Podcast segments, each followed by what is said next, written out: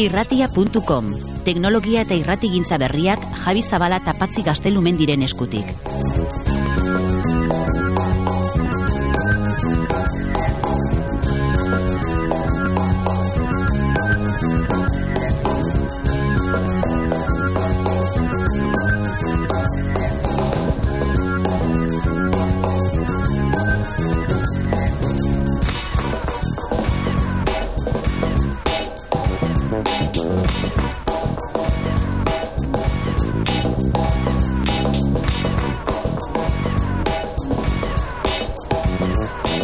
Egun hon, eguerdi hon, gabon, entzuten duzun, orduan entzuten duzula ere, hau da irratia.com.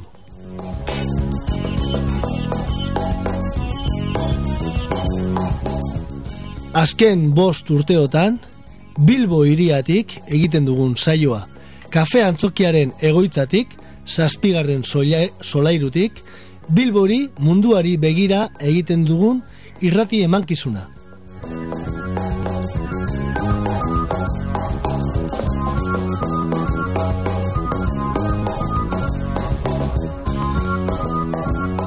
Eta gaurko saioaren e, lehenengo partean e, nola ez, aipatu beharreko gaia egunotan e, hemen pilpilean dagoena kafe antzokiaren itxiera eta horren inguruan sortu den e, e, mugimendua.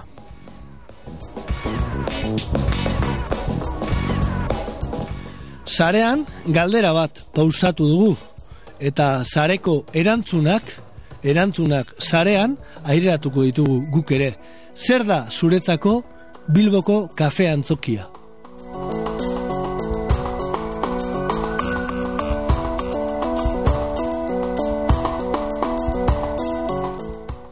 Urteak joan urteak etorri, egun historikozat jotzen da hemen egun oro.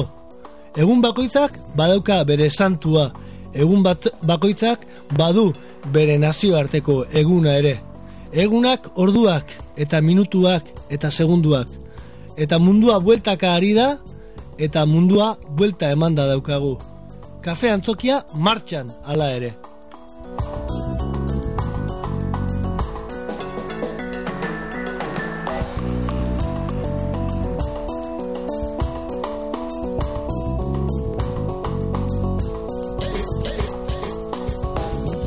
Irratia.com Pentsatu lokalki, eragin globalki.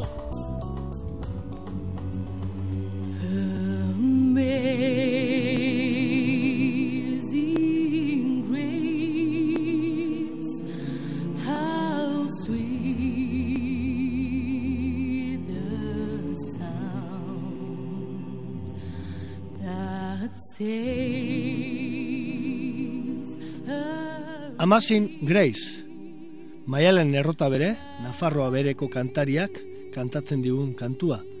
Himno hau John Newtonek idatzi zuen amazortzigarren mendean. Esklabos beterik ziren untziak gidatzen zituelarik ika, itxas ekaitzetan, kristau bilakatu omen zen. Himno hau esker honesko otoiz bat da. Doinua Irlandarra daiteke. Zeruetako grazia lehen galdu nintzen, orai salbatua naiz. Lehen itzua nintzen, orai ikusten dut.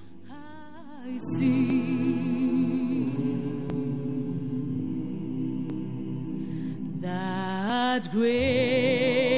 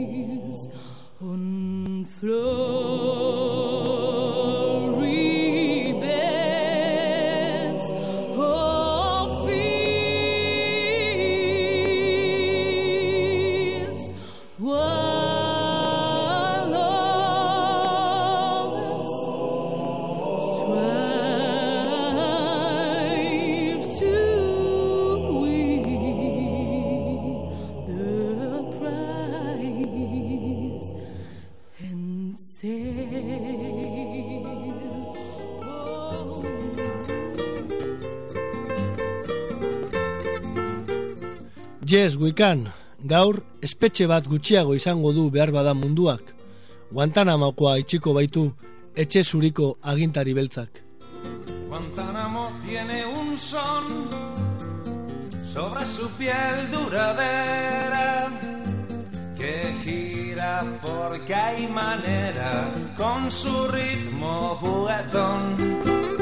Que manera es la razón.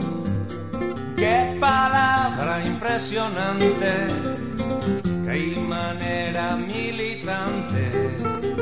Se entrena cada mañana por la base americana,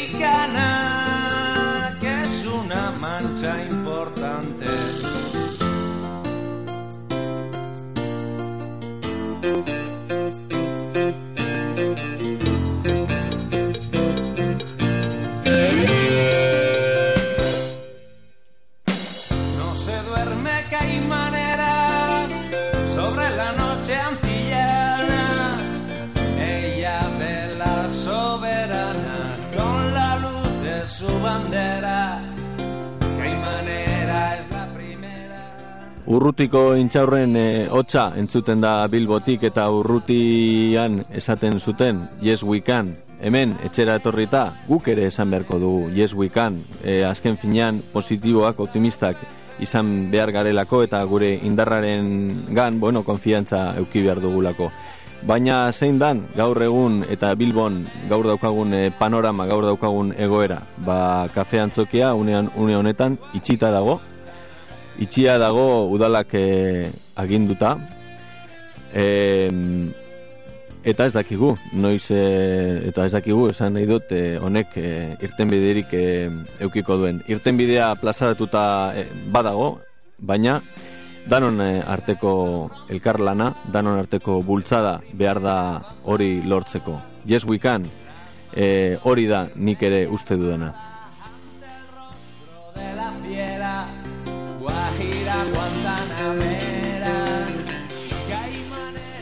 Yes, we can, bust joan da, baina geratu da astuna. Yes, we can, joango alda bera ere, Blair, Aznar eta beste askorekin batera, segurtasunaren izenean mundua salbatzera.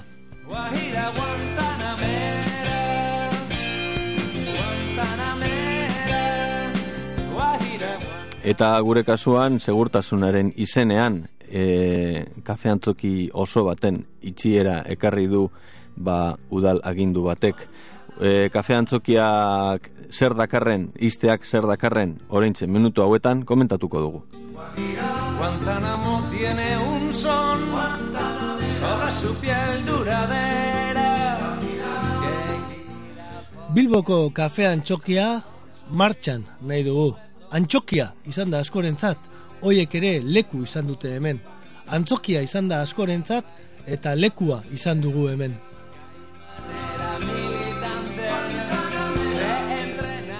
El antxoki izan da askorentzat eta horregatik inori esaio hemengo atea itxi.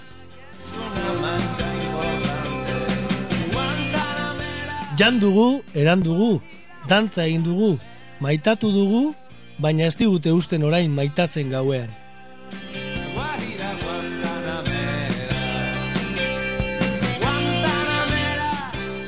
Eta beti doinu berdinak harrapatu gaitu. Zenbat gara, lau, bat, hiru, bost, ez dakigu zenbat garen, baina amairu urte joan dira eta ditxosozko amairua.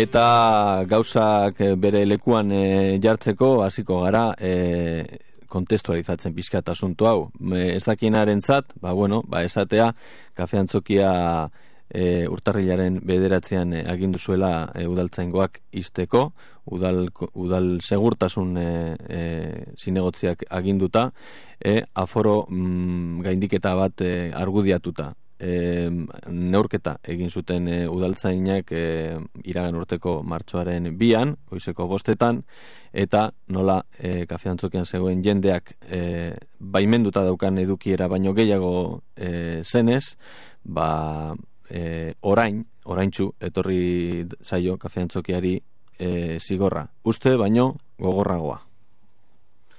Eta zigor horrek zer dakarren? Ba, bueno, izun bat, 2000 euroko izuna, eta hilabeteko itxiera. Baina gauzak ez dira horretan gelditzen.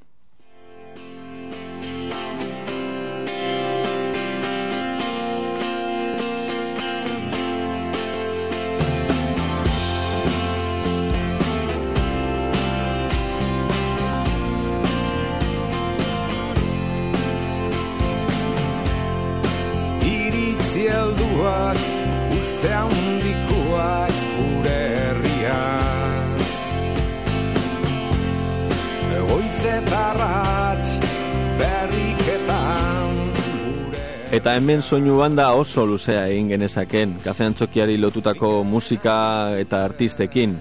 Lehen entzun dugu, e, patxik esan da, ez dutela maitatzen usten gauean, hori horrela da, une hauetan, eta orain entzuten ari garena berriz, e, ari da dator, zaindu maite duzun hori, Ruper Ordorikaren ahotan.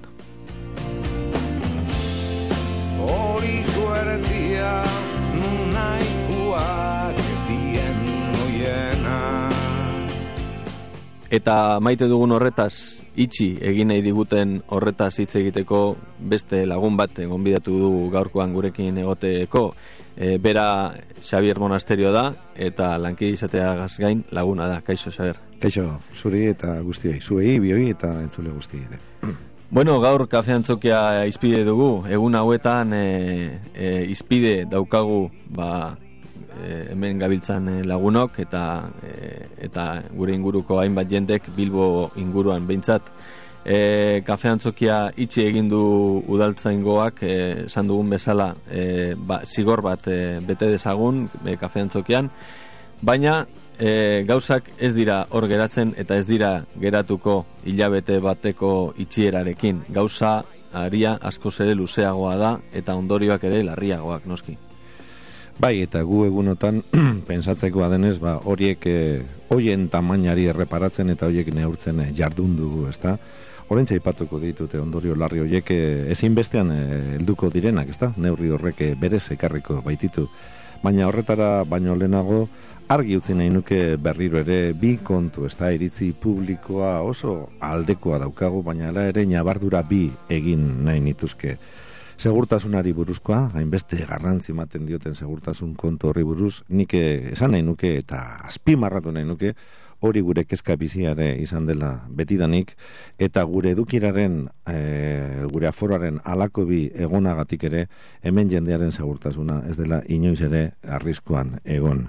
Hain zuzen ere, besteak beste eta arrazoi batzuk emango ditut, ba hori gure interesekoa delako gu ere barnean garelarik, eh? gu sustatzaileak baina erabiltzaileak ere bagara kafeantzukerenak. Bat, bi, gure lagunak, gure zenideak hor barruan direlako, hemen barruan gurekin eh, daudelako, eta oro har, ba, bilboko jendea, kanpoko jendea gurekin dagoelako, eta guk jendea maite dugu. Jendearekin eta jendearentzat eh, lan egiten badugu, eta jendea maite badugu, nola ez ditugu, nola ez ditugu zainduko, ez da, nola ez dugu e, segurtatuko euren e, segurtasuna. Bai, hori alde batetik e, argi utzi nahi nuke, eta beste alde batetik hori nola bait indartu nahian, erantzunkizun zibila, ezer gertatu izan balitz, inoiz gertatuko balitz, erantzunkizun zibila guri dagokigula, eta hori oso kontu larria da, ez da? Bueno, hori argi ba, alde batera, nik uste hori begien biztakoa dela, baina badazpada ere esan eh, egin eh, nahi nuen. Hori alde batetik, eta bigarrenik, eta hori ere azpimarratu nahi nuke, ostalaritza zerbitzua eskaintzen baldin badu ere, bere zenbait ordutan, ba, kafeantzukia hori baino askoz gehiago e, da, kulturgune, bilgune, elkargune handi bat, Euskaldunok sortutakoa, Euskaldunentzakoa dana, erdaldunentzakoa ere badena zuek ederki esan du zuen bezala, ezta, elantzoki ere bada Bilboko erdaldunentzat eta horiek arrotasunez erakusten diete ba, kanpoti datozenei, beren lagun erdaldunei, eta nolabait hemengotzate jotzen duten leku hori eurena ere sentitzen dute erdaldun horiek. Bueno, orduan, ostalaritza zerbitzua baino gehiago da kafeantzokia, naiz eta ostalaritza zerbitzua ere baden, eh, eta honekin ez diogu inori den mendrenik ere kendu nahi. Eh? Baina bi puntu horiek argi utzi nahi genituen. Eta zure galderari zehazki erantzunez eta gilegi lusatu gabe, Javi, ba, esango nuke ondoriak benetan larriak ez direla, ezta? Izan ere, ba, bere erdira ekarrita, bere egiazko aforoa, er, legiak agintzen duenaren arabera, erdira ekarrita, alegia, laureon da, eh, ber, hogei lagunetara ekarrita, ba, kafean zukia espaita bideragarria. Bertan, ezin, gen, ezin izango genuke ez kontzerturik, ez bestelako ekitaldirik antolatu, izan ere, espailirateke bideragarriak izango, dirutan, dirutan, argita garbi dirutan, esan da. Horrek bestalde batetik, ba, kolokan jartzen ditu, bertan, euskaratik, e, herrigintzatik, euskalgintzatik sortu diren berrogeita hamar lanpostu hoiek, eta kafe antzokiarekin batera, nolabait mendekoa duen anduarroko kafe antzokiare desagertu ingo litzateke, seguruenik, e, zoritxarrez, e, amaika urte dituen eta hain zerbitzu publiko polita egiten duen bilboiri erratia ere, erratia.com bideratzen duen bilboiri erratia ere, ba, hankaz gora geldituko litzateke eta amildegian bera joango litzateke, umentzako egiten ditugun aktibidadeak, era guztietako ikastaroak, eh, jarduera lantegiak eta abarrak ere pikutara joango lirateke, eta proiektu oso bat, proiektu finkatu eta sendotu bat amairu urteotan sendotu eta finkatu dugun proiektu hori ba, kinkalarrian geldituko litzateke, ezta? Hemen oso erraza da, batzuek oso erraz, desegiten baitituzte gauzak, egiten ordea, nik ez dute ez dut inor salatu nahi, baina nire azerrea uste dute bidezkoa dela, ezta? Eta uler daiteke euskal gintzatik begiratuta, euskal, euskaldun modura begiratuta, ba, aurrez aurre daukadan etxe horretara begiran ezakela eta galdetu ni esaiekela arduradun hoiei ea horren beste egin duten amairu, azken amairu urteotan euskararen, euskararen normalizazioaren alde bilboko udaletik. Ondo dago segurtasuna, guk ere bermatu nahi dugu, baina segurtasunak ez du zerikusirik kulturarekin, proiektu kultural handi batekin, ezta? Orain kolokan eh, jartzen den horrekin. Mm. Nik ere beste zehaztapen bat egin nahi nuke, jendeak ez dezala pentsa, ba guari galela eser e, jartzen aitzaki bezala segurtasunaren aurretik. E, edukieraren e, kopurua, zehaztuta daukaguna, edo gure guri esleituta daukaguna, ez da segurtasun kriterio utzen araberakoa argi eta garbi e, udaletxetik eurek e, ba, bueno, e, argi eta garbi e, ez duten ez esan, baina bueno, argi eta garbi dagoenez e, kriterio tekniko utzen arabera zuk esan duzun moduan e, kafeantzokiaren edukiera bizan beharko litzatekela daukana e, baino askoz handiagoa legez dau, e, izarrita daukana. Orduan, legez izarrita e, edukitze hori nork esartzen du, ez da lege bat, et, ez da ere jaun, jaungoikoak esarritako lege bat, ez da kriterio objetibo bat. Da, kriterio subjetibo batzuen arabera esarritako udal politika batek esarritako murrizketa. Berez, esan nahi dut, udalak bere udal ordenantzetan eta horiek oso erraz aldagarriak dira, esarri du inguru hau, kafeantzokia txertatzen den ingurun hau, taberna eta ostalaritza lokal e, gehiegi duen gunea dela, eta beraz, irizpide urbanistiko e, hoien e, arabera, murriztu nahi du udalak e, murrizketa hoiekin, ba, hemen ditabilen jente kopurua. Beraz, e, esartzen zaio aforo bat, e, esaten da bezala ala baja, ezta? E, gutxiago, bere edukiera baino gutxiagokoa eta hori esartzen du ez e, lege neutro batek, ez e, jaurlaritzaren irizpide batek, ez segurtasun irizpide batek, baizik eta udal ordenantza batek, e, eta helburua da jende gutxiago ibildadin gune honetan e, konsideratzen delako gune saturatua, tabernaz e, saturatua, beurek euren esanetan. Guk e, adirazi beharko genuke e, kafe antzokia ez dela taberna bat, naiz eta zuk esan duzun bezala hostelaritza zerbitzuak ere eskaintzen dituen, eta beraz e, edukiera edo murrizketa horren altxatzea e, eskatu behar zaiola udalari, e, irizpideak beste batzuk izan behar direlako, ba kafe antzokia aztertzerako orduan. Ez dala taberna huts bat. Azken finean, e, udal politika eta politika eta gehiengoak eta sartzen dira tartean, baina esan dezagun, jenteak argi eukitzeko, hau ez dela, segurtasun kontu bat. Segurtasunarekin, e, sartu daitezke kafe antzokian, orain, sartu daitezkenak, baina askoz ere gehiago, eta azken finan gure eskakizuna da, lege hori ez, ez dala. E, udal ordenantza hori alda dezaten, eta aitor dezaioten kafe antzokiari behar duen izaera legala edo nahi, duzen, nahi duzun bezala, baina behar duen estatusa.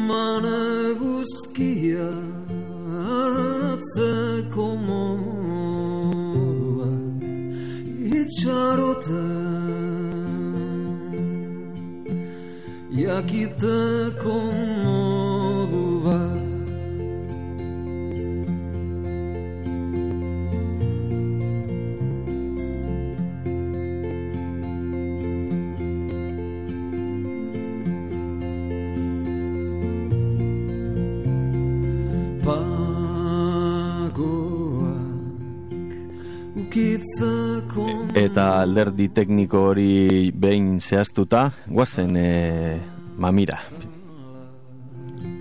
irakurtzeko modu bat Albistea hor dago, kafea antzokia une honetan itxita dago, eta horrek sekulako salaparta sortu du. E, Xavier, zure ustez, une honetan bertan Bilbon beste garito, beste diskoteka, beste arau austaile batzuk izan direnak orain arte ere, batzuk hildakoak eta guzti dituzte bere ataritan, iztea, zer da, kafea antzokiarena estaltzeko, ala benetan sekulako problema daude Bilbon.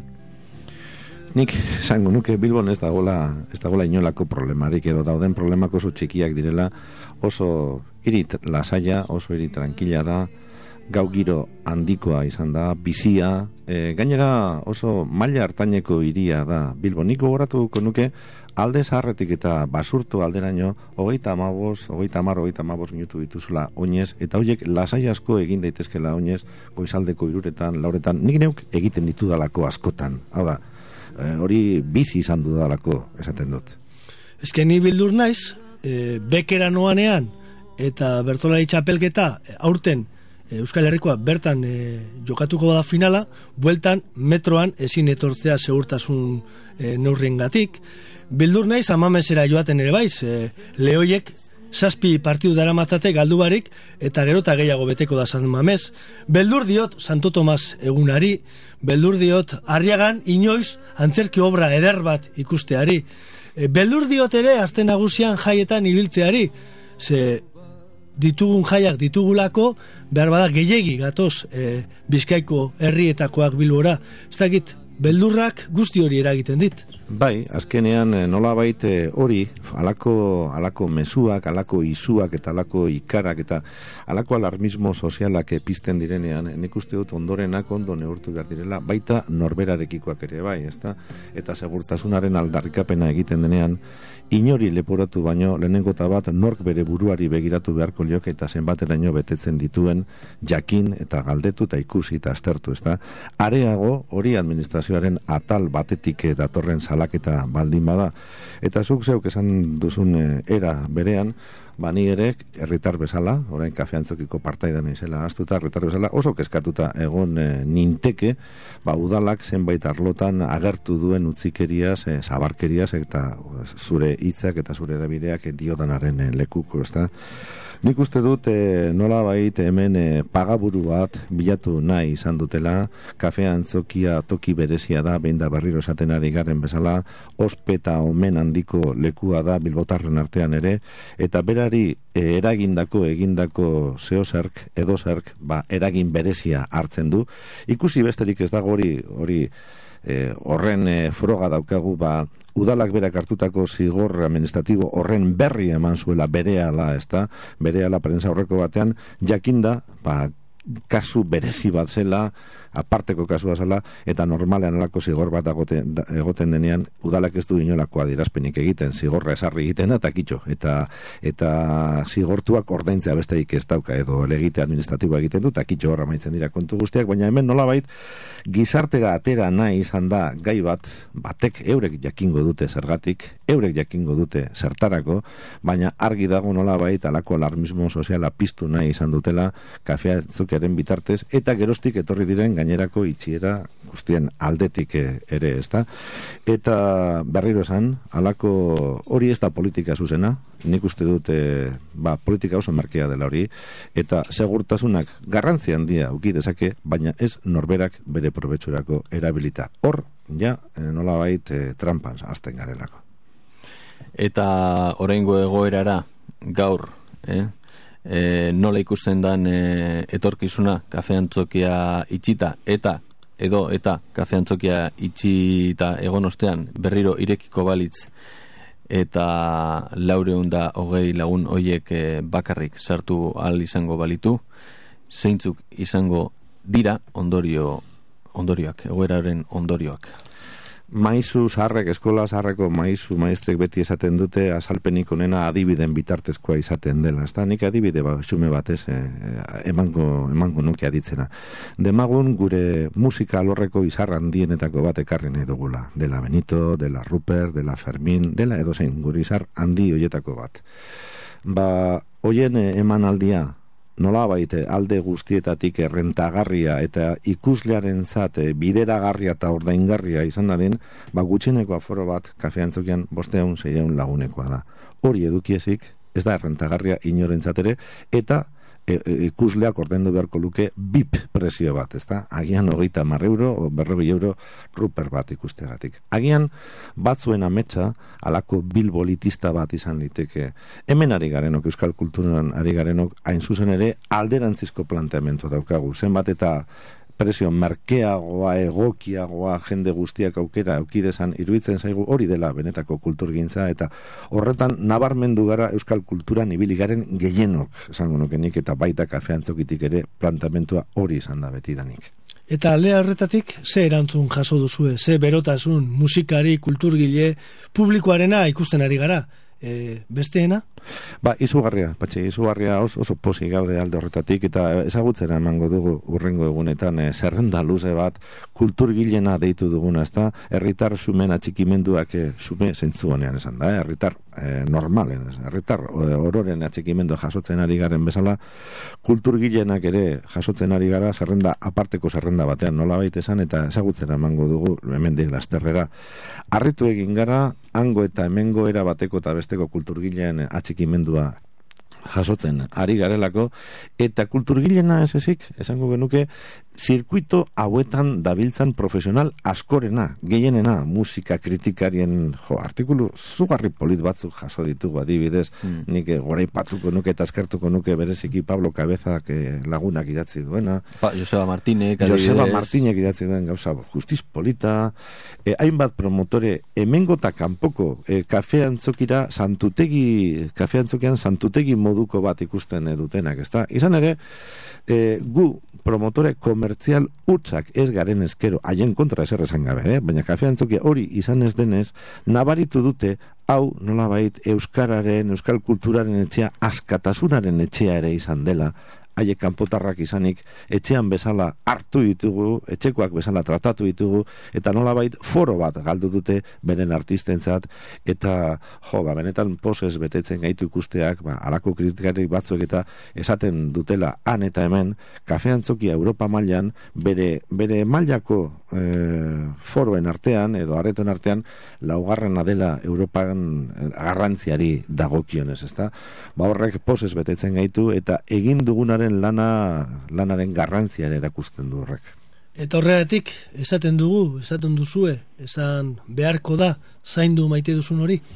Bai, kafe antzokia espaita gurea, patxi, e, behar bada, lege askuetan ez dakit noren izenean, berdin dite, gutako baten batzuen izenean egongo da, baina hori ez da, hola, kafe antzokia bilborena da, bilbokoa da, eta bilborena da, eta bilbotarrena da, eta euskaldunena da, euskaldun guztiena da, eta euskaldun batzuek eredu txiki bat aurkitu dute, eta durango beste kafeantzoki bat, beste kume batzuk sortu dira, bere eredura batzutan, bere izpilura, hango hemengo ideia batzuk hartuta, eta nolabait, eh, gertatu da alako fenomeno txiki bat gure inguran. Horrek posek bet- betetzen, betetzen gaitu.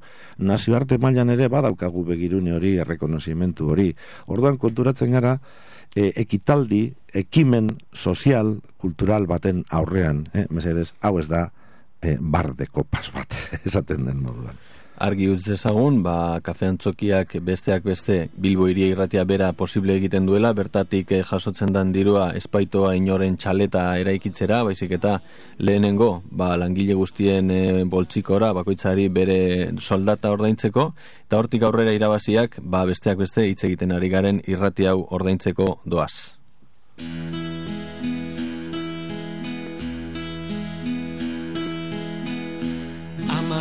Amaika lagun egin Amaika leku ikusi Dut zurekin.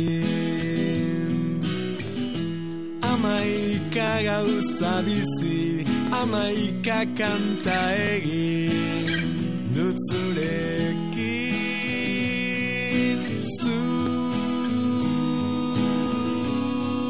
Zuretzat da abestia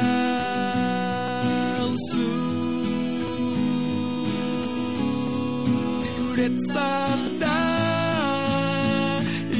idazten dudana zara idazten dudana zara eta guk idazteari ekin genio jakin bezain Leister eta sare sozialetan eta Twitterren eta interneten eta hemen eta han idatzi dugu kafe antzokia martxan, kafe antzokira joan gure dot, kafe antzokiari buruz pentsatzen duguna eta idaztea ere eskatu diegu gure entzulei.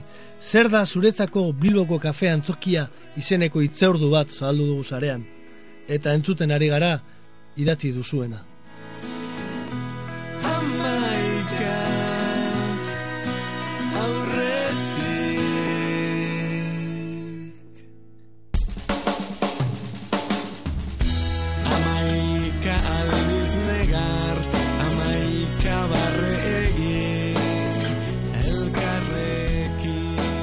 Eta idazten ere jardun dute kafeantzokiari buruz e, gauzak ezagutzen eta gauzak plazaratu nahi dituzten e, pare bat lagun, ere bai lehen aipatu ditu Pablo Cabeza eta eta beste batzuk e, Carlos Benito adibidez el correon e, La Puerta Trasera izeneko artikulo ba, nahiko interesgarria.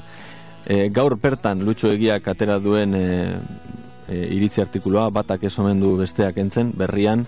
Hoi guztiak bilduta dauz, non eta webgune berrian, kafeantzokia.com berrian, loturen, atalean.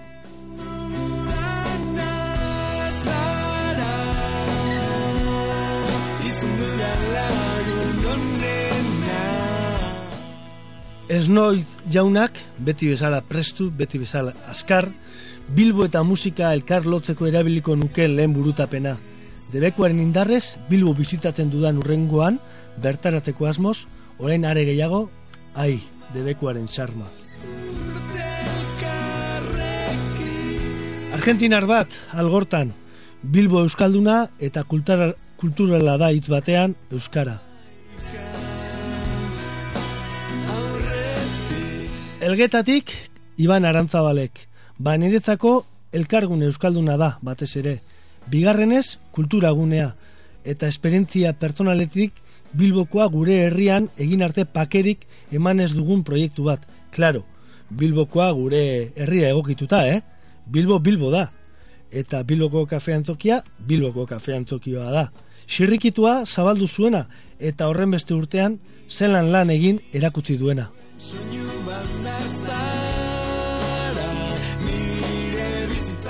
Igor Kalzadak estatu batuetatik idatzi digu. Bilboko gune hiri eta dinamikoa. Eta gure beste lagun batek, Iker Martinez Delagosek, Bilboko Euskaldunontzat erreferentzia ziur bat. Zabalguneko gure konkista, kulturgunea, lagunekin elkarteko espazioa, baskaltzeko lekua, kulturgile eta kulturzaleen bilgunea. Umeek euskarazko kultur eskaintza duten leku urrietako bat. Bilbon, euskal kantari talde antzerle idazleak gozatzeko espazio bakanetakoa.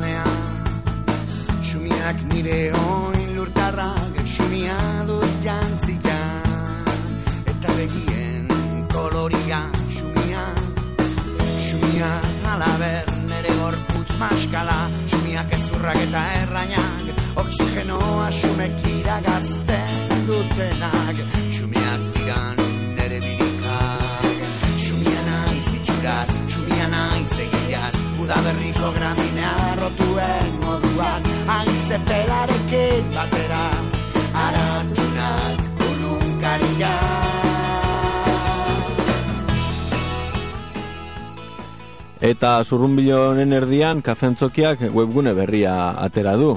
E, une honetan ulertuko duzuenez, ba, itxieraren inguruko informazioa emateko erabiltzen ari da kafeantzokia webgune hau. Elkartasuna biltzeko ere badago eta martxan dago atxikimendu bilketa bat. Badakizue, entzuten baduzue kafeantzokia.com webgunean sartu adierazpena irakurri eta berarekin bat egiten baduzue sinatzeko aukera ere baduzuela bertan.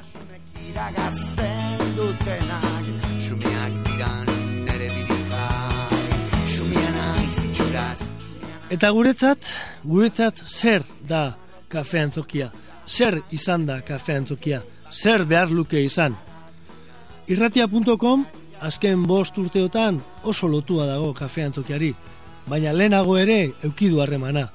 Gogoan dugu aspaldi, nola Bask Electronic Diasporaren kontzertu bat egin genuen kafe antzokian bertan. Eta saiatu ginen, eta lortu genuen ere, Bask Electronic Diaspora hori irratiaren bidez lotzen. Eta Londresetik entzun zuten batzuek Bilboko kontzertua. Eta esaten ziguten ez zutela ulertzen zer esaten genien. Euskera ari ginen gu noski. Baina han izan genituen Vicente eta fin de zikle eta olakoak. Beranduago Bilboko Blog and Beers ekitaldia egin genuen. Lehenengoa eta euskaraz. Eta saiatu ginen Euskaldunon komunitate hori Bilbotarrei ere erakusten. Eta hurbildu ziren batzuk euskeraz jakinez arren. Eta ikusi zuten nola gurea, blogari ona, euskaldun ona, komunitate bizioa zen.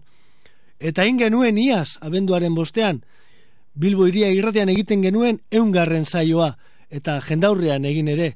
Eta Kate Johnson kasetaria gonbidatu genuen. Horrek ere, ederrak idatziko lituzke kafean tzokiari buruz, bere egunkarian. Eta berriki egin genuen beste bat gero maiatzean, eta kerobia gonbidatu. Eta egin asmo ditugu gehiago ere bai. Irratiakom ez da geldituko, Bilbo iriak ez du gelditu behar, eta kafean tzokia, kafean tzokia martxan nahi dugu.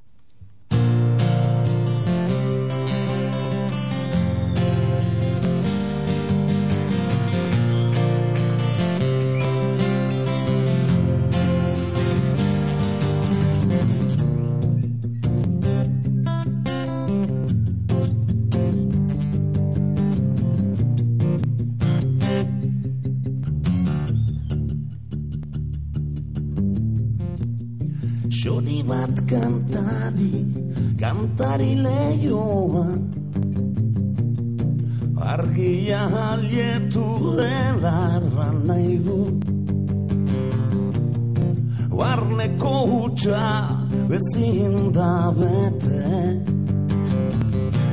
Zerbait falta da eta ez da urru. Zeruan lainoa, lainoa dudata. Eguzkiaren beldurrez mugitzen. Guarneko garrak, behar duena bakarra dela.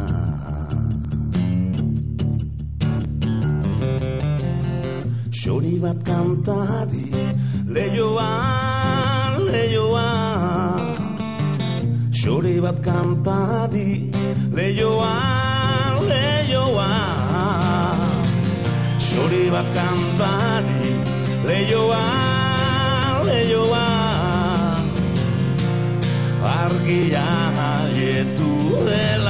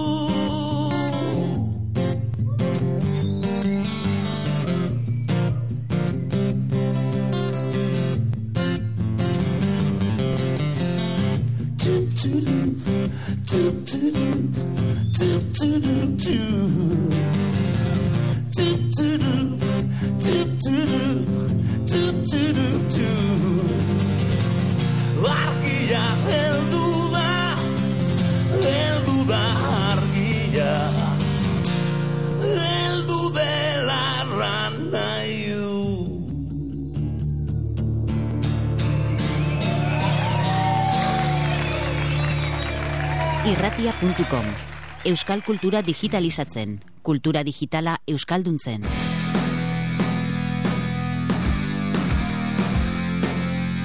Bizikera, bizikera Bueno, kafe antzokiaren e, itxieraren inguruko gai honek, eulertuko duzuenez e, gehiagorako emango du, e, jarraituko du, honen inguruan informatzen, eskerrik asko gurekin izategatik, Xavier. Eskerrik asko zuei, eta, bueno, e, egun beltzak izan arren horrek ez du esan nahi irratia.com kolokan egongo denik hemendik edo ez dakigu nondik, baina hori egiten e, jarraituko dugu behar beharrezkoa dugulako. Eta optimistak izan behar gara, eta, bueno, ba, kafe antzokiarenak ere konponbidea duela, eta oso erreza gainera, esan beharko dugu, yes we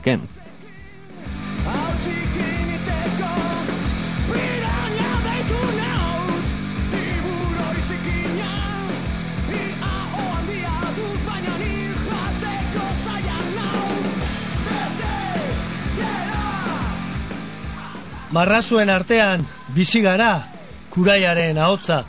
Gogoratzen dugu oraindik Fernando taula gainean estenariotik bota eta surf egiten publikoan.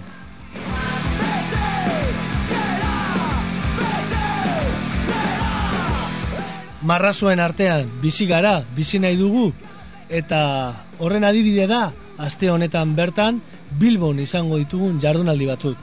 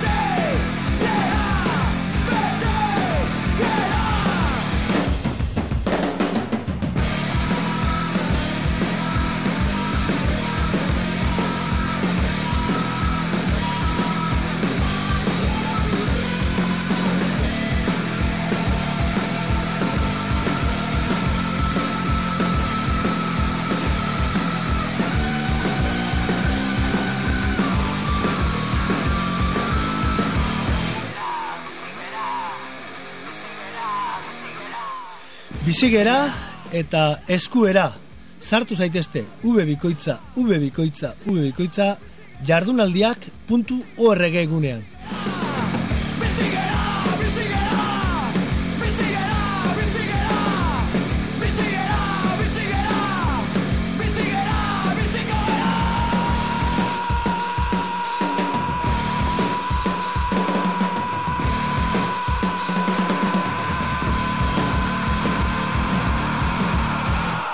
irratia.com Pentsatu lokalki, eragin globalki.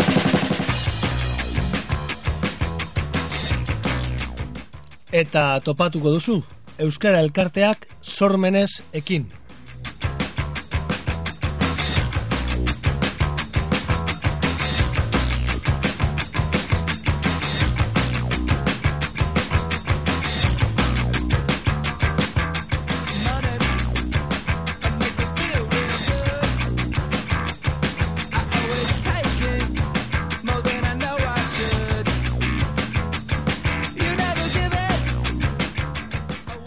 Eskuera, jardunaldi batzuk omen, topagunea omen antolatzailea, Bilbon omen, beraz, mintzatu gaitezen horretaz, eta horretarako gonbidatu dugu gurera Iker Martínez.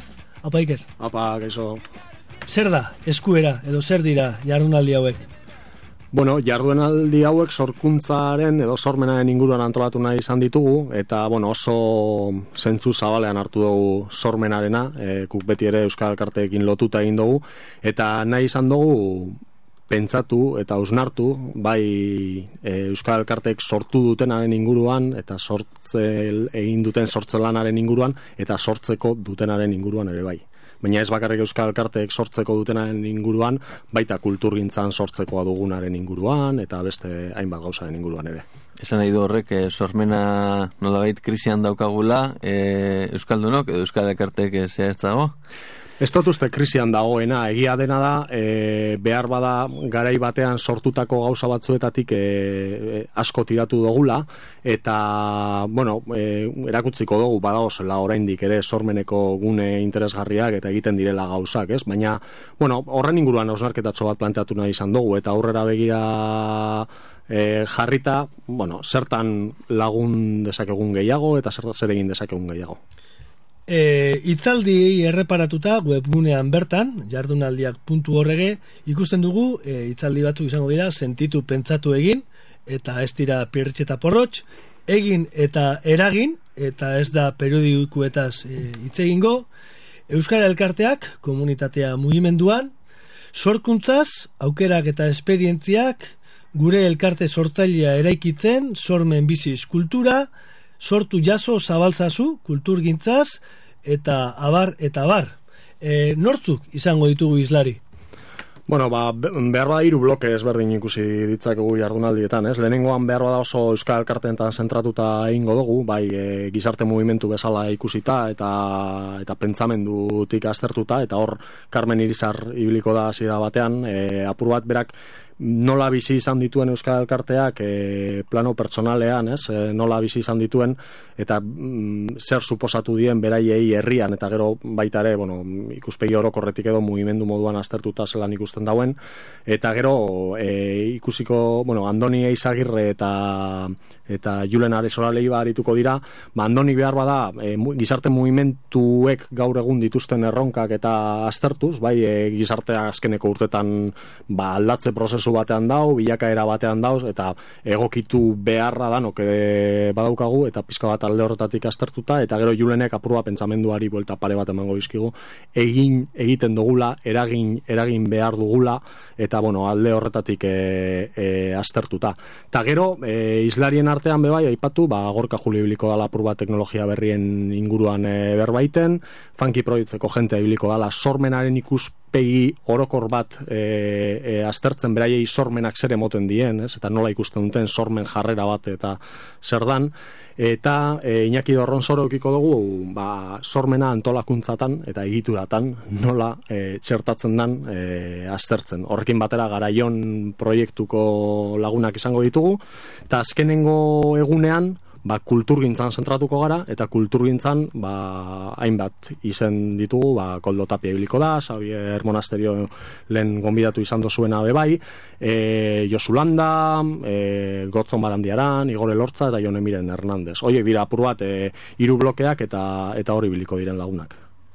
Honek gogoratzen dit pixka bat, e, bueno, bai, e, sormenaren e, arloan e, zehatzago, eh? E, disonantziaz, euki du hemen ere gonbidatua, eta hor e, proiektuaren muinean dago nola txertatu e, sorkuntza, ba, e, enpresetan, proiektuetan, azken finean e, ikusten, ikusten dugu ere, ba, gonbidatu dituzula ba, oso sormen handiko jendea, Funky Projects, gure lagun gorka Julio ere sortzailea direla, sor, sormen injekzio bat behar dute Euskara elkarteek e, e, gauzak, e, gauza gehiago eta erakergarriak goak egiteko. Bueno, nik uste dut gizarte mugimendu guztiak e, e, ondo, ondo hartzen dituela sormen injekzioak, ez? Eta alde horretatik Euskal Elkarteek ere bai, ba, ba ondo hartzen dituztela. Guk orain dela gutxi Euskal Elkartatik egindako buelta batean galdetu egin ez? Zer sortzen duzu, zer egiten duzu, ez horkuntzaekin zer ikusia duenik, ez? Ta igual jenteak ez dago ikusten sortzen duela, baina egunero egunero ari da sortzen, ez? E, e, ikuspegi hori barruan izatea bakarrik importantea da sortze aldera, bai? E, jakitea sortzaile ere izan gaitezkela eta eta naiz eta erakunde bat izan eta naiz eta elkarte bat izan eta behar bada ba gauza batzuk formal samarrak izan eta eta za, sormenerako espazioa badaukagula eta eta sortzen dugula baina askoz gehiago egin dezakegula, ez?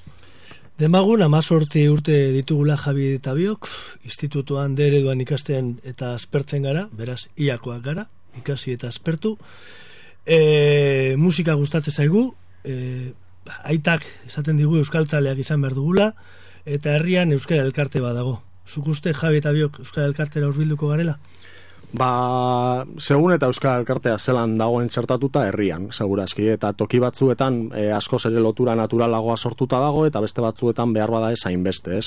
E, pu, nik azpimarratuko nuke Euskal Elkarteetan gaur egun oso egoera enitza daukagula, bai, eta behar bada oso zaila dela behar bada movimentu moduan e, e, orokorrean hitz egitea, bai, e, eta behar bada herri zerri hitz egingo bagenu, pues erantzuna ezberdina izango litzatekela, ez? Guk bai uste duguna da, horrentzako espazioa on behar dela Euskal Elkartean. Eta behar bada, e, e, toki batzuetan espadugu eskaintzen espazio hori eskaini behar dugula. Eta gainera asmatu behar dugula espazio hori oso modu naturalean izaten. Bai, ez izaten ez dakize bidetatik eta modu natural batean egiten. Toki batzuetan egin egiten da, bakigu baietz. Beste toki batzuetan behar bada, ba, ba, bueno, ba, urte batzuetan egin izan da, beste batzuetan ez, eta horrela orokorran hitz egitea zaila, baina mm, argi dagona da jarrera behintzat lantzea, ez? Eta pizka bat horri bai buelta pare baten eman nahi dizkiogu, jarrera hori lantzea ona izango dela e, edozein elkarterentzako. Badabilena entzako eta behar badain sartuta ez daukana entzako, bai. Eske, esan digute e, gehien aipatzen diren berbak batzarra, plangintza, estrategikoa eta subentzioa direla. Egia da? Ez dut uste, hori nor, bakoitzak nola bizitzen duen elkarteko bizitza, eh? E, behar bada kanpotik ikusita horrela izan daiteke. Nik uste dut momentu honetan e, Euskal Elkartetan aurreko batean egiten genuen kontu batzuen arabera, mila zeireun voluntario dauz. E, mila zeireun voluntario baldin badauz e, batzarretaz, subentziotaz eta eta zerataz, eta, eta plan estrategikotaz bakarrik hitz egiten ez dut uste ongo liateken ikain beste. Bai, orduan nik uste oraindik badagoela. Badagoela jenteak eskaintzen duena urte osoan zehar modu oso jarrai batean bere parte hartzea voluntarioki eta beste batzuk ez dutenak e, edo oso momentu puntualetan bakarrik eskaintzen dutena, baina eskaini egiten dutenak eta ez dut uste pisu moduan sentitzen do, danik, ez? Ez dut uste nik ez dut bizitzen pisu moduan e, Euskara Elkartean nire parte hartzea, bai naiz eta batzarrak ditudan, planak ditudan eta subentzinoak ere bai landu behar ditudan, ez? Baina ez dut bizitzen hori e, pisu moduan, ze beste gauza asko ematen dit, ez? Elkar, el, elkartzeko gune bat bada, kafeantzokia dan bezala, ez? E, e, lagun talde bat da, guretzat komunitate baten e, e, e, gune bat da, e, komunitateko jente ezberdina aurkitzekoa, ez? Batzuek bizi dezakete oso modu pisutzuan, baina beste batzuek natural bizitzen dugu, eta holan nahi dugu bizi araztea, bai kontua nola transmititzen dugun hori kanpora eta behar da egia da batzutan ez dala hori transmititzen eta asmatu bar dugula hobeto transmititzen, ez? E, ez pisua, baizik eta bizi gogoa, ez? Eta ibili naia. Mm Rutinak eh, oso, bueno, joera humanoak dira, esken finean, eta gitzatalde guztietan eh, azaltzen dira. Eh, Baina Euskal Ekartetan e, ikusti duzu azken aldi honetan e, e, berez mimetismos e, batetik bestera errepikatzen diren eta eta kopiatzen diren jarduerak e, gainditzen duen e, eredu berririk, e, adibide berririk e, Bai, nik uste badaudela. Badaude toki batzuk non adibidez urtean behin antolatzen dan eta lortzen duten herriko hainbat kolektibo ezberdin e, e, egun bat antolatzen jartzea bai? E, mm, adibidez, azkenekoa, orain dela gutxi, lasarten berriro egin dute Euskararen maratoia. Eta hor lortzen dutena da, hogeita lau orduz, hogeita lau orduz, e, herriko e, e, bueno, gizarte movimentu ezberdinetako jenteak, e, kulturgileak, e, kultur elkarteak, eta bueno, e, jente pila bat implikatzea, eta hogeita lau orduz, e, jai baten inguruan e, mugitzea. Guretzako hori da, apur bat, e, helburua. Azkenengo egunean kulturgintzaren inguruan bebai transmituta nahi da ideia hori da, ez, ez gaitezen kontsumitzaile utzak izan, e, e, bultzatu ezagun parte hartzea, bai, e, e, eredu parte hartzaileak bultzatu ezagun, ez, e, kultur kontsumitzaile utzi izan, baizik eta e, eragile bihurtu be bai. Eta hori egiten da Euskal Elkartetik, baina Euskal Elkarteak provokatu dezake beste kolektibo batzuk ere bai hortze sartzea. Ez da guretzat hori da, mesua behintzat hori da, ez, e, transmititu nahi dugun egunotan. E, urte askotan zehariker, e, Euskara Elkartea versus Euskarazko aldizkaria. Gaur egun, zein litzateke Euskara Elkartearen e, e, egin beharreko nagusia? Erabilera agian, e, gazteak, umeak, e, eskola, berreuskalduntzea, Hmm. e, mintzalagunak, frente asko dituzue, denak zabalik, baina non ez da treguarik eman behar? Nik uste dut ez dala treguarik eman behar, batetik erabileraren kontuan, eta hori beti izan da Euskal Elkartek ekarri dutena, baina bestetik, e, aber nola saltzen doan, atxikimenduaren puntuan be bai, ez? E, e, zergaitik erabili e, Euskara, edo zergaitik e, izan Euskaldun, edo zergaitik hori landu behar dala, ez? Hemen inok ez da hori. Zer danok e, orain badirudi erabilera dala nagusi hemen, eta ja diskurso hori oso, oso txertatuta dagoela, ez? Duela igual hogei urte oso sektore konkretuetan zegoen erabileran diskursoa. Gaur egun badirudi ja oso zabaldua dagoen diskurtso bat dala, ez? Baina zergatik erabiliko dugu Euskara? Bai? Zer eskaintzen digu, zer emoten digu. Eta hori laguntzera eh, egin e, eramaten gaituen guztiak ona da. E, e, toki edabideak, herri komunikabideak, hurbiltasunetik e, egiten den e, tresna bat, e, afektiboki e, gauza hurbilak ikusten dira, hori oso importantea da. Toki batzutan kriston indarra daukate eta horrek eramaten dau elkartearen indar nagusiena. Beste toki batzutan edabiderik ez dago, baina adibidez mintza praktikak oso tresna importanteak dira, e, komunitatea ez talako ezagutzen beraien artean. Eta hori problema realoa da Bilbon adibidez. Eta da, komunitate handi bat dago, hizkuntz komunitate oso handi bat dago, baina ez dago loturarik. Bai? Kafeantzokia galtzea izango litzateke tragedia bat horregatik. E, besteak beste, ez ba, e, ez daukagulako harreman sare horiek non egituratu ditzakegun, ez? E, eta bueno, pizka bat orduan funtzio nagusia esango nuke hori dela eta hortarako aizialdiari lotutako programak, e, mintza praktikak, e, tokiko edabideak, e, tresnak ugari dira eta asko izan daitezke, ez?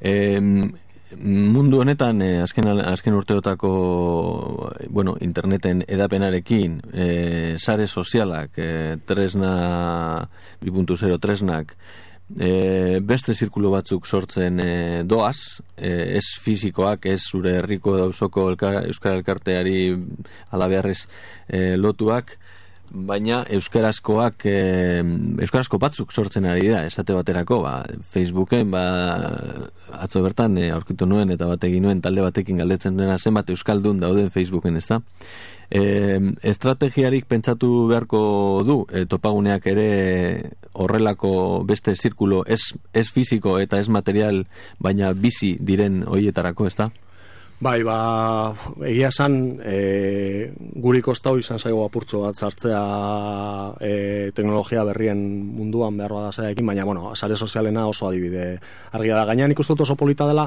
aut, autoantolakuntza bat emon dalako, ez? Eta ez dagola zertan derrigorrez gainera erakunde konkretu bat lotuta joan behar, eta guk hori bestogu e, e, zehatzen, nik uste dut e, oso movimentu polita dela horregatik, ez? E, sortu egiten dalako, komunitatetik sortu dalako, ez? Eta orduan e, hori dala bidea.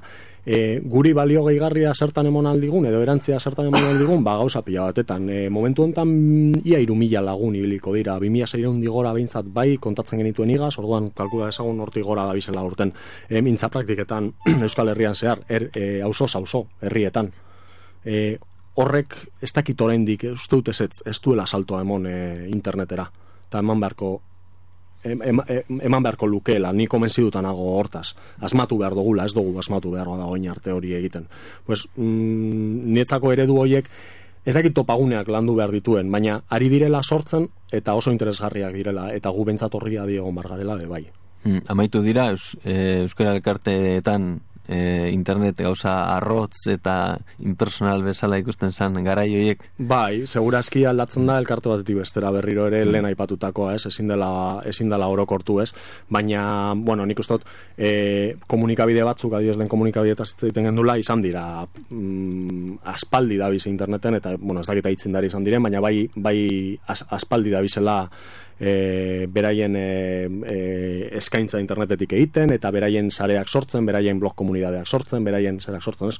Eta orduan, badago, orduan, toki batzuetan behar bada bildur gutxi izan zaio, eta aspaldi sartuta dago jendea, eta beste leku batzutan, pues, igual oraindik ez gara e, hortara igo, ez? Eta, bueno, apurka, apurka. Nik uste dute e, dena dela mesua gu- gure partetik oso argia da, gorka Julio jarduntal alditan egotean arrazoietako bat hori izan, ez? Nahi genduela hori ere bai horregotea eta esatea, bueno, ze aukera daukagu guk eragiteko saretik be bai, ez da?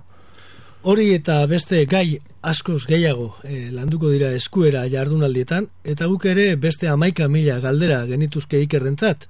Gaur bertan, berria egunkaria zabaldu eta bebean, eskumatan bean, ia inork irakurtzen ez duen lekuan esaten du diru arazoak direla eta txipitxapa telebista desagertu egingo dela. Hilabete honen bukaena izango da eta txipitxapa aitzindarietako bat izan zen telebistan bezala baita sarean ere beraien txipi.net horretatik beste galdera asko eta asko eta baina bat e, e, galdetu barik esara joan gometik. Zuretat pizka bat zenbat da? Pizka bat da, pizka bat. Eta asko da asko. Bai, orduan beti dago be asko, pizka bat baino. Bai?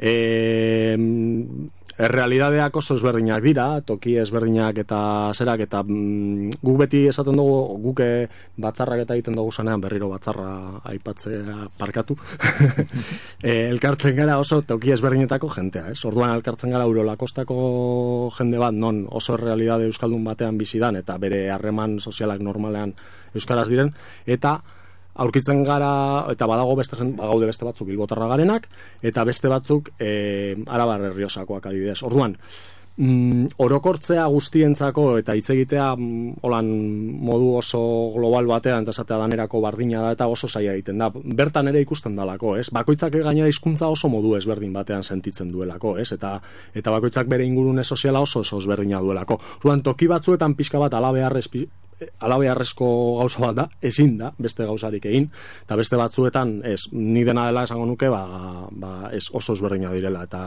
e, e, gu beintza saiatzen ari garela, e, komunitatea osatzen, ez? Eta, eta ez da dila izan pixka bat. Euki dezakegun, e, Euskaraz bizitzeko aukera egin dugun jenteak, eta ba, gaudela asko uste dut, euki dezagun e, aukera beti izateko, eta ez batzutan, edo pixka batean, edo Bueno, zuek eh, egiten duzuena, ez dakit eh, pizka bat den, asko den, asko da, eh, hori argi dago. Euskal Elkarteak eh, gaur egun Euskal Gintzan dagoen motoreetako bat eh, dira. Aipatu nahi nuke, amaitu baino lehen, bai eh, eta aztu gabe, teknologia berrien erabilera ere sustatzen edo erabiltzen, bintzat i- e, basabiltzatela ere esaterako ikusentunezkoen realiarekin eta lako ekimenekin. Hor ikusten da ere, badela, badela horre joera bat, edo badela behintzat eh, gauza, bueno, positibo bat ateratzen dena teknologia berritatik, ez? Bai, eta esango nuke gainera, e, dala adibide balden aipatzen genuenarena, eta da, e, plaza eskaintzen bada, edo lekua eskaintzen baldin bada, kriston sorkuntza dagoela. Osea, e, kameratoian igaz, bueno, ikusentzunezko enralian, kameratoia doana alakoan, Mm. e, igaz egun da hogei lagunetik gora ibili ziren.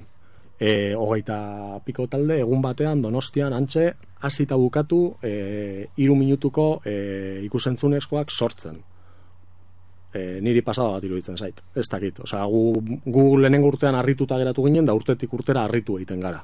Bai? E, lehen aipatzen zenuen amazortzi urteko, batzik aip- e, aipatzen zenuen amazortzi urteko horrentzako orduan, e, eskaini eskero badau. E, lortzen badugu egitea lekua, e, jentea badau. Eta bat etorriko da, batzarretara eta plan estrategikoak egitera. Eta beste bat etorriko da, mm, bere sorkuntza lana agertzera eta punto. Ba horrekin geratuko gara, eskuera jardunaldiak Bilbon, Euskaraz bizi nahi duen hiri honetan, Bilborroken izango da, eta baskari bat ere bazen duten prestatuta, ez da, Iker? Ba bai, baskari bat bagenuen prestatuta, justu ostiralean baskal ordua kazantzakian egiteko ginen, eta bueno, ba, azkenean beste leku baten e, izan beharko da. Bueno, e, lenguarekin lotu apur bat, ia bilbotar moduan ja, eta ez ja topaguneko zera moduan, eta e, ia irten bidea moten zaion egoera honi lehen bailen. Bueno, ba, han ikusiko dugu alkar, eta ordu arte ondo ibili, Iker.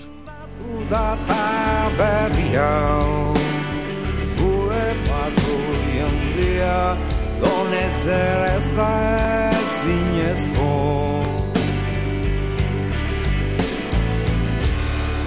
Izkabetik elkar hartuka Dude dudu Zazpigarren zeruan dagoeneko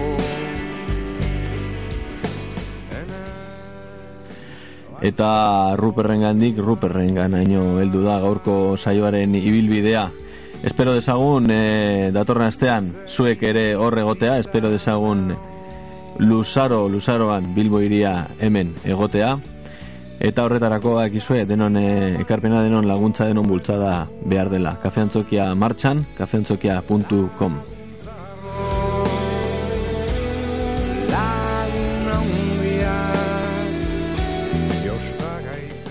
Eta Ruperrek josta gaitezan diosku, egin kontu, badakizue. Donez eres gure patroia handia.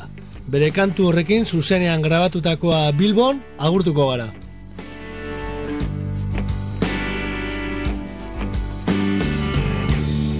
Ota zutara egunerokoa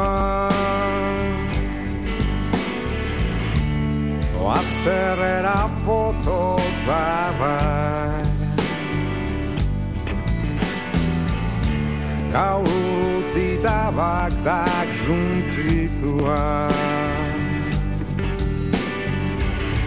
Guantanamoa lekutan da Hau bestadarra du egitekoa Ena konponduta palego Uta zurik aldua baita Gure patroien dia Donez ere ez da ezinezko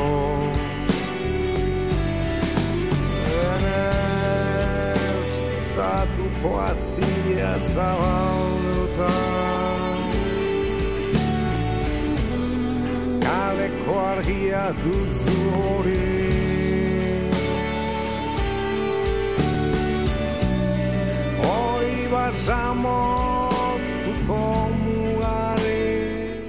irratia.com Euskal kultura digitalizatzen, kultura digitala euskalduntzen.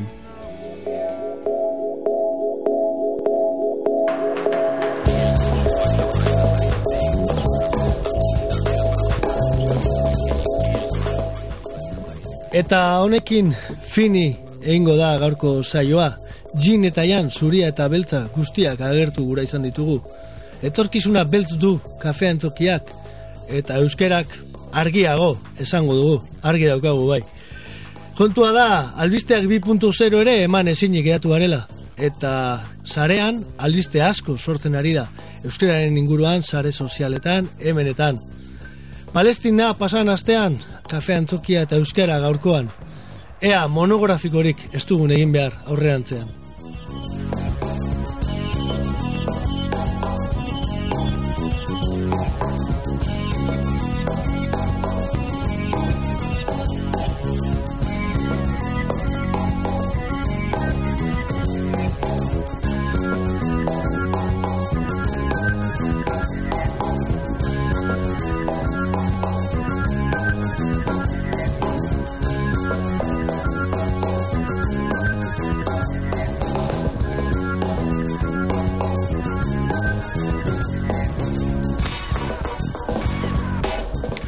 Bestez, eunda hogeta mairu garrena saioa amaitu da, datorren astean, hemen ere egongo gara. Eta bitartean, zure ipod, zure tramankulu horretan, ordenagailuan, nahi duzun lekuan, nahi duzun irratean.